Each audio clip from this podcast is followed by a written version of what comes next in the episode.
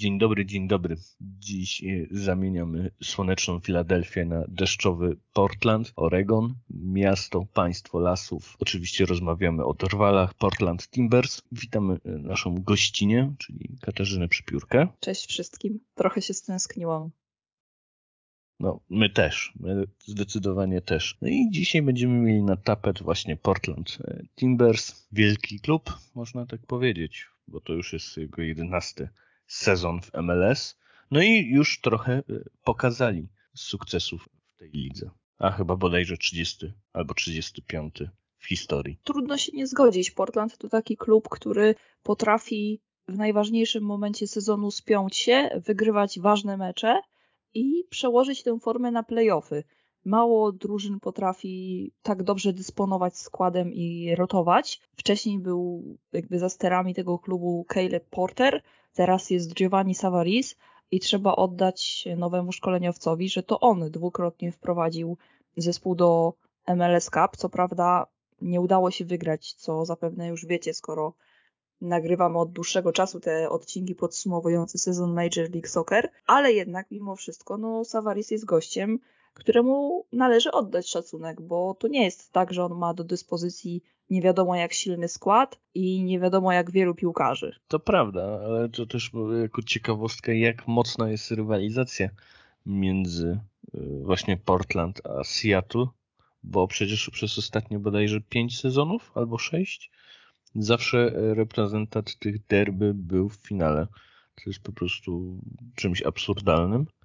A tak jak Kasia mówi, nowy trener naprawdę robi bardzo dobre wyniki. Znaczy może nawet nie w sezonie zasadniczym, ale overall jest to moim zdaniem nadstan, patrząc na ich kadrę. Oczywiście są tam wspaniali piłkarze, ale jest to bardzo, bardzo nierówna kadra i wydaje mi się, że przez to, że jest bardzo dobry trener, są osiągane właśnie wyniki ponad stan. Zgodzisz się z tym? Że to nie jest, że jest to nierówna kadra? No trochę tak, bo oczywiście jest trzon, który jest niezniszczalny i który no niestety starzeje się z każdym rokiem spędzonym w MLS-ie i też nie widać jakoś zastępców tych piłkarzy. Oczywiście jakby ta kadra jest na tyle szeroka, że tak jak wspomniałam, Giovanni Savaris ma kim rotować i robi to umiejętnie, ale zawsze jednak w tym składzie wyjściowym musi być przynajmniej kilku piłkarzy z tego trzonu, najważniejszych piłkarzy w tej drużynie. No i niestety też nie widzę jakiegoś takiego światełka w tunelu w postaci wprowadzania młodych piłkarzy. Może teraz się to zmieni w nowym sezonie, zobaczymy jak to będzie wyglądało, no ale też trzeba powiedzieć sobie jasno i otwarcie, że Portland Timbers nie słynie z dobrej akademii, więc tutaj ciężary są podwójne.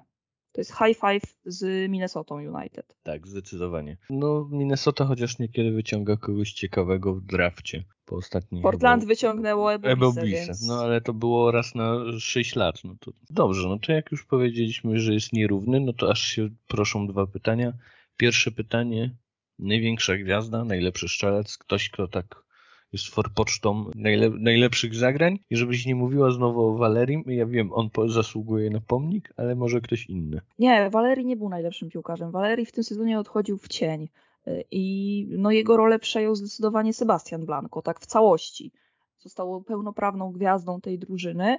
Co prawda też się zmagał z mniejszymi lub większymi urazami, ale to, to nie był piłkarz pokroju Diego Valeriego jeszcze. Tym sezonie chyba w pełni już będzie takim zawodnikiem, bo też, jak wiemy, ma podpisać nowy kontrakt i już nie będzie designated player. Oprócz niego, no to trzeba wyróżnić i zdecydowanie na taki pierwszy plan, jeżeli chodzi o napastników, no to wysuwał się Felipe Mora. To myślę, że ta dwójka to byli tacy piłkarze, którzy byli najważniejsi. No i Diego Czara. Co by o nim nie mówić, naprawdę, no facet jest niezniszczalny. Naprawdę. Jest, jest fantastycznym nie, piłkarzem. Takim... Nie wiem, ile może on mieć lat i żebyśmy zobaczyli jakiekolwiek oznaki tego, że koleś po prostu jest coraz, y, nie wiem, gorszy, bo na razie tego nie widzę. No dużo ładniej się starzeje niż y, Alonso. No jest to kompletny piłkarz na swojej pozycji. Można go kochać, jak gości ma w własnym składzie. Jak się gra przeciwko niemu, to na pewno kibice bardzo wiele różnych wiązanek inwektyw na niego kierują, bo on gra zawsze tak na takiej linii faulu, ciuteńkę więcej i byłaby kartka, a on bardzo mało kartek dostaje na sposób gry, jaką gra.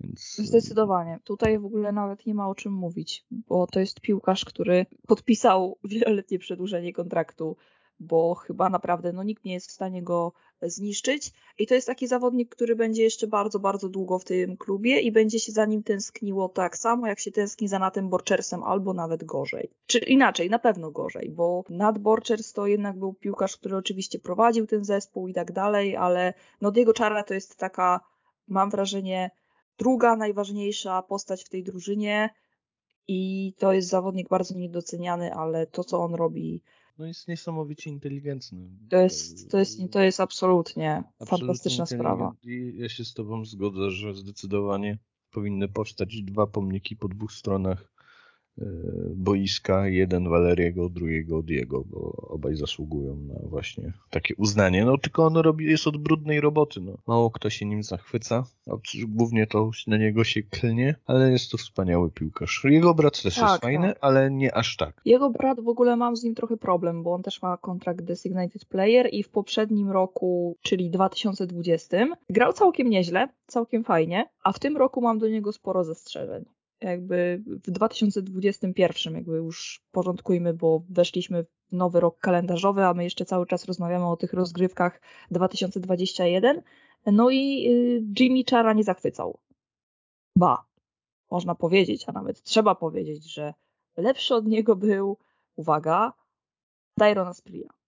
Tak, facet w końcu postanowił grać w sezonie zasadniczym, jakkolwiek to głupio brzmi, to tak, to jest piłkarz, który w zasadzie zapadał w sen zimowy i budził się przed playoffami. W playoffach wyczyniał cuda. W tym roku było odwrotnie, w playoffach nie wyczyniał cudów, ale w sezonie zasadniczym był bardzo dobry, był lepszy niż Jimmy Chara. To mam wrażenie, że wiele wyjaśnia na temat postawy jednego z designated player tej drużyny. To już jednego designated player mamy omówionego. Drugiego też, bo Sebastian Blanco to był taka główna siła napędowa tej drużyny. Chociaż on też już jest starszy, bo on w tym roku będzie miał 34 lata, to myślę, że jeszcze. Nie, nie, 33 troszkę go postarzałeś, ale to. On jest moim rówieśnikiem. On jest moim rówieśnikiem. Tak, będzie. Tak. 34, rocznik 8-8. Kurczę, masz rację. No. Jego czera jest jeszcze starszy. To jest niesamowite. Tak, tak. No, Oregon to ewidentnie kraj dla starych ludzi, co się nie nabija, ale no, mają ładne emerytury piłkarskie w tym pozytywnym znaczeniu, bo to nie jest odcinanie kuponów, tylko oni naprawdę zasuwają lepiej niż jeden młodzik. No to odnośnie młodzików, bo o DP jeszcze będziemy rozmawiać na pewno, a o młodziku potrafisz jakiegoś młodzika e, wskazać, nie. który zrobił ci efekt? Nie, żadnego takiego nie było piłkarza, no nie ma co się tutaj oszukiwać, no, bądźmy poważni. Eric Williamson to już nie jest młodzik, poza tym miał zerwany ACL, Christian Paredes też nie jest młodzikiem, no ale w zasadzie był najmłodszym piłkarzem, który jakkolwiek grał, ewentualnie jeszcze Pablo Ale on za dużo nie grał. Na tej prawej obronie e, tam był Van Rankin i Van Rankin grał dużo lepiej. No ciężary, to nie, jest, to nie jest klub dla młodych piłkarzy, to nie jest klub, który wprowadza młodych piłkarzy. Co prawda teraz na radarze się pojawiają jacyś przed nowym sezonem, bo już w trakcie poprzednich rozgrywek pojawił się Santiago Moreno. On jest jeszcze nieokrzesany, to totalnie nieokrzesany, więc jeszcze dużo pracy z tym zawodnikiem. No właśnie Teraz chciałem o niego pytać, bo on całkiem fajnie się zaprezentował w playoffach i z playoffów go głównie kojarzy, bo on w sezonie zasadniczym to on pojedyncze minuty łapał, on tam chyba z 15 spotkań rozegrał, a 300 minut miał. Więc to pojedyncze minuty, ale w playoffach też troszkę dostał szans i niekiedy naprawdę miał fajne akcje. Tak jak mówisz, bardzo nieokrzesany i taki toporny piłkarsko. To znaczy, że nie, nie, nie, że nie umie kopać piłkę czy dryblować, etc., tylko bardziej jest taki nieokrzesany. I podpala się i podejmuje złe decyzje po prostu. No jakby drybluje wtedy, kiedy nie trzeba, oddaje strzały wtedy, kiedy nie trzeba i podaje piłkę kolegom wtedy, kiedy nie trzeba, czyli robi wszystko na odwrót, ale potencjał ma dosyć spory. Zobaczymy, co z tego wyniknie w tym sezonie, bo mam wrażenie, że no będzie musiał grać, bo, bo tutaj no jakby są braki ewidentne i też no, Savaris lubi rotować. Z siłą rzeczy wydaje mi się, że może troszeczkę wskoczyć na, na wyższy poziom. Zobaczymy, no mam nadzieję. No i pojawił się w końcu nowy piłkarz, młody, czyli Dawid Ayala. Defensywny pomocnik. Nie wiem, czy on jest szykowany na zastępstwo Diego Czary. Zobaczymy, ale też właśnie na zasadzie inicjatywy U22. Sporo za niego Portland sypnęło, bo coś tam się wspominało, że około 5 milionów dolarów, więc to jest sporo za zawodnika. Co prawda Bardzo, 19 lat, Bardzo. Ba, 19 jeszcze lat, na Portland, ale jest to bardzo- bardzo dużo. nie no spoko, przypominam, że za innego DP dali też podobną kwotę i no, mam nadzieję, że się nie rozmawiać. skończy. Mam nadzieję, że się nie skończy podobnie i naprawdę, że będzie grał. Potencjał podobno ogromny. No i mam nadzieję, że pokaże to na boisku. Oczywiście, no jakby wygryzienie ze składu Diego Czary jest praktycznie niemożliwe, no ale to jest chyba takie troszeczkę szykowane zastępstwo do tego piłkarza powoli. Ja myślę, że oni będą y, grali w podo- podobną ilość minut i na przykład y, Czara będzie grał tylko w domu, a ten będzie na wyjazdach, żeby go trochę oszczędzać, no bo organizm, prawda? I ja myślę, że w ten sposób, że na przykład Czara będzie grał dwie trzecie spotkań, y, Santiago będzie grał mniej i po prostu się będzie powoli wdrażał. Dla mnie to jest najbardziej oczywisty krok, jak się za kogoś płaci tam 4 albo 5 milionów, a ma się bardzo mocnego konkurenta na pozycji, że powinien go wdrażać. I może ten Tak, tak. wieloletni kontrakt jest właśnie na wdrażanie Santiago. Liczę na to, bo Portland Dawida, Dawida Ayali, ale no tak. Ale w sumie Santiago Ale, też będą wdrażać, tylko że akurat w ataku, no więc jakby podobny, podobny case. Jest w zasadzie dwóch młodych piłkarzy i to są piłkarze, którzy dopiero będą wkraczali w no, grę i też no, no są braki w kadrze bardzo duże.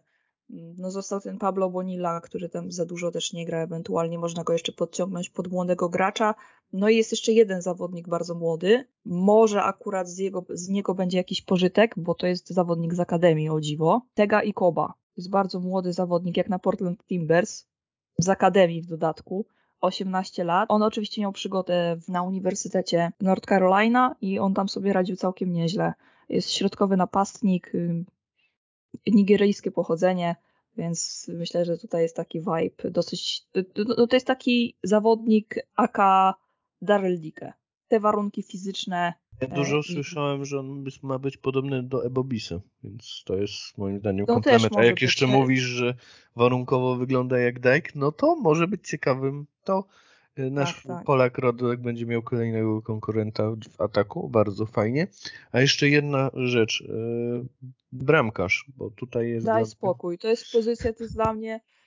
Ja nie wiem, jak można mieć pięciu bramkarzy w składzie i z czego żaden nie jest dobry.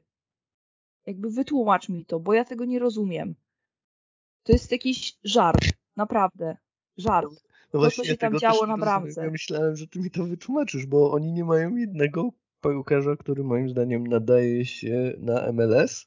Trzech, No w poprzednim trzech sezonie piłkarzy, był tak. nadają się na Steve US. Clark, który ma momenty, nie można mu tego odmówić, no ale w finale, oczywiście sporo osób może zarzuci tego gola w finale z New York City FC, ale trzeba mu to oddać. Bardziej zawaliła obrona niż on. Przyjrzeć i przeanalizować to, okej, no jakby na jego konto też coś tam jest, ale bez przesady. No z drugiej strony to nie jest bramkarz na dobry klub w MLS-ie, no nie oszukujmy się, Jeffa Tinella. Ten sam case, kontuzja, koniec kariery, siemanara. Clark oczywiście też się zmagał z kontuzjami, no bo jak żeby inaczej, ale Jasz Iwaczyć jest od, w klubie od nie wiem ilu lat, przy czym chyba przez dwa ostatnie lata to on się leczył, jak nie trzy. To jest jakiś, to jest kolejny żart w tym klubie, więc musieli grać y, osiemnastolatkiem z akademii, który ma kapitalne warunki fizyczne, jest niesamowicie wysoki, ale jednocześnie jest kompletnie niezwrotny jeszcze nie ogarnia większości rzeczy, więc tam zawalił kilka goli, a nazywał się Hunter Sulte, więc chłopaczek no niestety jeszcze musi poczekać. I w takim wypadku było czterech bramkarzy w klubie i musieli zatrudnić kolejnego z USL, bo nie mieli kim bronić. To jest absurdalne. Nie wiem, w tym sezonie może się coś zmieni, a może nie, bo przecież co zrobiło Portland Timbers? Clark, koniec. Atinella, koniec. Aylash i Vlasic ma wrócić. Podobno się mówi, że będzie jedynką w tym roku. Dla mnie to jest bardzo słaba pozycja, chyba najsłabsza pozycja w Portland. Tak, tak, tak. Od momentu Ad- Adam Kwarasej on bronił ich i wtedy to był chyba, to był taki ostatni w miarę dobry bramkarz. No teraz kogo ściągnęli? Jakby robią ten sam błąd, co w poprzednich, y, w poprzednich latach. Przyszedł Justin Womstek, który jest w miarę młody i tam coś bronił w Galaxii. No nie sądzę, że to jest jakieś wzmocnienie na teraz. Jest ten Hunter, y, Bronił w młodziaczek. Galaxii. To, to nie jest dobre, e, Tak, dobra tak. rekomendacja do Tak, CV. tak. A czy on, czy bronił, to chyba też jest dużo powiedziane, bo on tam za dużo nie bronił. No jest Bingham, który bronił i w Galaxii, i w San Jose. E, No i To i- też nie jest dobry wpis do CV. No nie jest, nie jest, nie jest dobry wpis do CV. No naprawdę, no bronić ma podobno Aliasz Iwacić. To jest słoweńska szkoła bramkarzy. Podobno jest 28 naprawdę lat. do. Tak, podobno, tylko wiesz, tylko że ostatnie on 3 lata, czy tam dwa, to spędził na leczeniu kontuzji. Podobno jest dobry I oni na niego liczyli od samego wejścia, tylko że jak on przyszedł, to się okazało, że on ma kolejne urazy, które trzeba wyleczyć. I to nie były urazy typu miesiąc czy dwa, tylko liczone w latach. Mam nadzieję, że w końcu coś poszło do przodu, no ale tutaj nie zanosi się na jakoś mega e, fajne granie, no bo też zobaczmy, że nie ma wzmocnień w obronie, praktycznie żadnych. Do tego dwóch podstawowych obrońców, którzy o zgrozo nie powinni być podstawowymi obrońcami, w tym samym czasie przeszło operację przypukliny sportowej. Dosłownie w tym samym czasie. Tam I nie wiadomo, czy oni się trzy, wykurują. Trzy, trzy, dni między jednym a drugim. Moje podejrzenia na treningu się razem uszkodzili. Y, no nieważne. Y, a powiedz mi mm, jeszcze o mm, Jarosławie Niezgodzie. Nie Opcjonalnie powiedz, po, powiedz, mi o, powiedz, po, powiedz mi o rozczarowaniach w takim razie. O. No Jarosław nie zgoda, to jest największe rozczarowanie. Jak podpisujesz kontrakt DP i płacisz za niego dosyć sporą kasę w jednej transzy, bo na tym zależało Legii, to po prostu koleś ma strzelać. Nie obchodzi mnie jak. Może strzelać co drugiego gola tyłkiem. Naprawdę. Mam to gdzieś. Ta piłka ma być w siatce. Bo jesteś zawodnikiem designated player. Nie jesteś zawodnikiem tam player, nie jesteś international, ani nic z tych rzeczy. Jesteś DP, który nie potrafi strzelać i który jest regularnie wygryzany przez zawodników, którzy są trzeci w kolejce, tak by się wydawało. No niestety ty jesteś trzeci w kolejce do gry.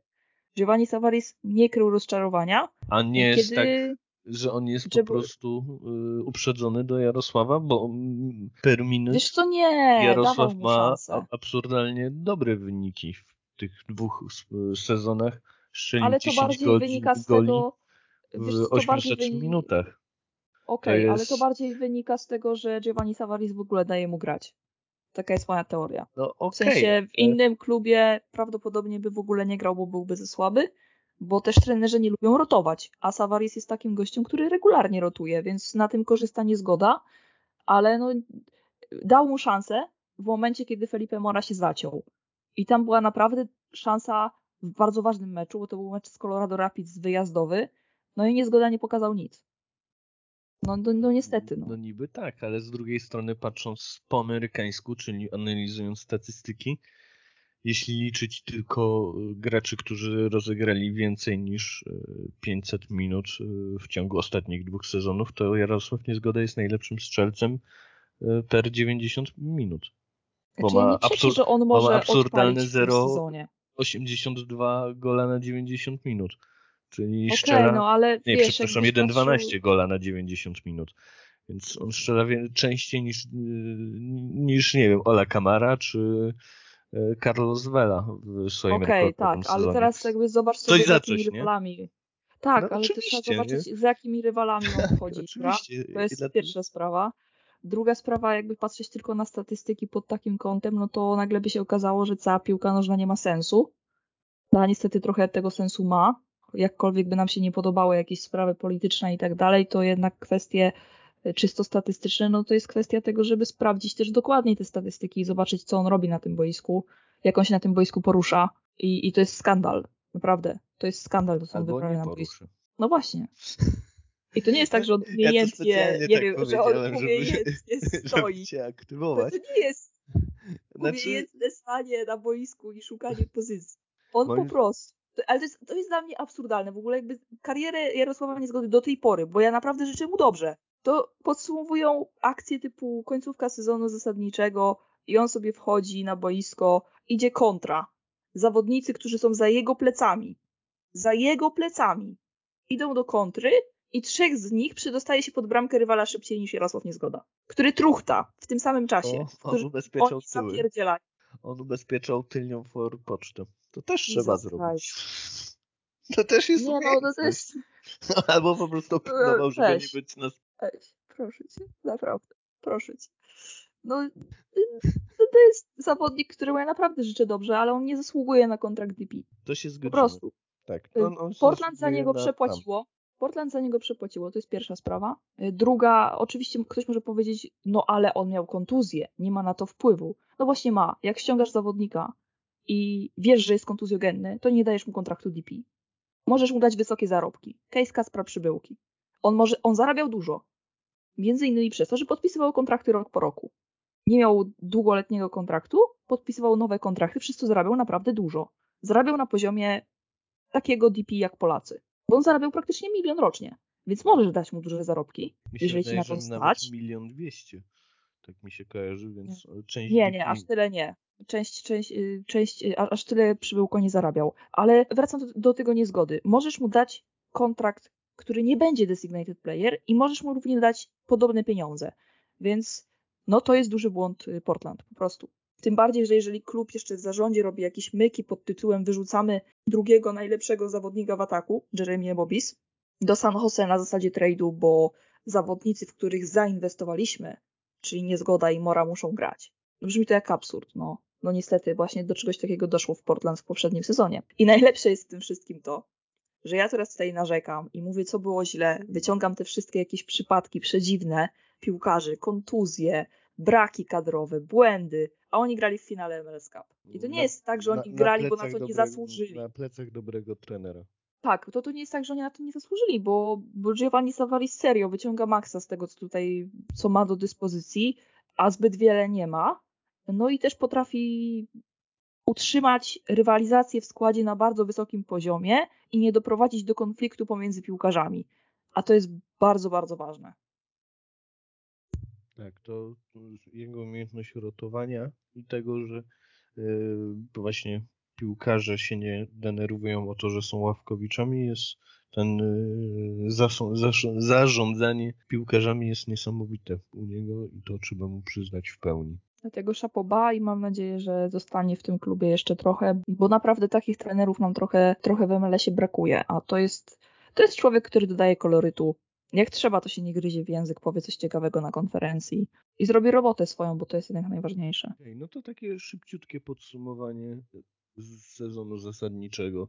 Początek sezonu zasadniczego był traumatyczny, bo to było przegrana, wygrana, przegrana, wygrana i przez długi czas oni tam dość mocno, no może nie szorowali dna, ale nawet nie byli z, za linią awansu do playoffów. Koniec sezonu mieli bardzo dobry, bo bodajże w 14 spotkaniach to oni trzy przegrane, jeden remis i reszta to zwycięstwa, czyli bodajże 10 zwycięstw mieli, więc tu bardzo mocno narobili punktowo. No i co? Yy, Awansowali z 55 punktami z czwartej pozycji. Nastały nam najpiękniejsza rzecz, czyli playoffy. Co tam się, Kasiu, w tych playoffach działo? Znaczy sezon zasadniczy w przypadku Portland nie ma aż tak dużego znaczenia. Jak- Jakkolwiek oni słabo by nie zaczęli, to i tak będą się liczyć w walce o awans, bo to jest po prostu taki zespół, który w kluczowym momencie, to co powiedziałam na samym początku chyba, w kluczowym momencie potrafią rzucić wyższy bieg i utrzymać to na playoffy. Więc y, tak samo było w tym roku, 2021. W playoffach, no cóż, y, mieli stosunkowo łatwą drabinkę. Bardzo, bo Znaczy- najpierw była Minnesota. Znaczy, No, okej, z Minnesotą, nie no, z Minnesotą nigdy nie było łatwych meczów. No Tak, to, to i, i tak samo było w tym roku. To było tym, pierwsze tym, zwycięstwo od sierpnia 2018. Tak. Portland. Czy ta drabinka Polecam. nie byłaby tak łatwa, gdyby, gdyby wygrywali ci, którzy mieli wygrywać, to wtedy by tak łatwo nie było. W każdym razie, no ta Minnesota to był taki mecz bardzo mocno na wyniszczenie. No tam było dużo brzydkich fauli z jednej i z drugiej strony, dużo spięć niepotrzebnych. Fraga i, i, i Diego Czara to w ogóle był... No, no Trójkąt miłosny tak. z piłką, to zdecydowanie.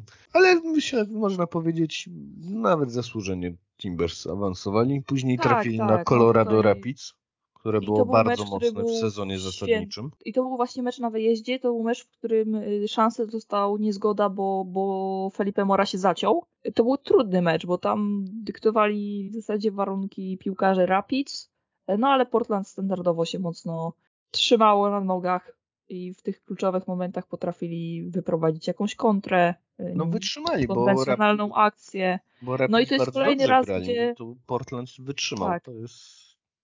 no gola strzela Larys Mabiala, tak. To jest taki trochę redemption, bo w meczu z Minnesotą Portland przegrywało i tam zawalił Mabiala, po czym Mabiala wyrównuje, tak. Potem jest mecz y, z Rapids, Mabiala trafia do siatki.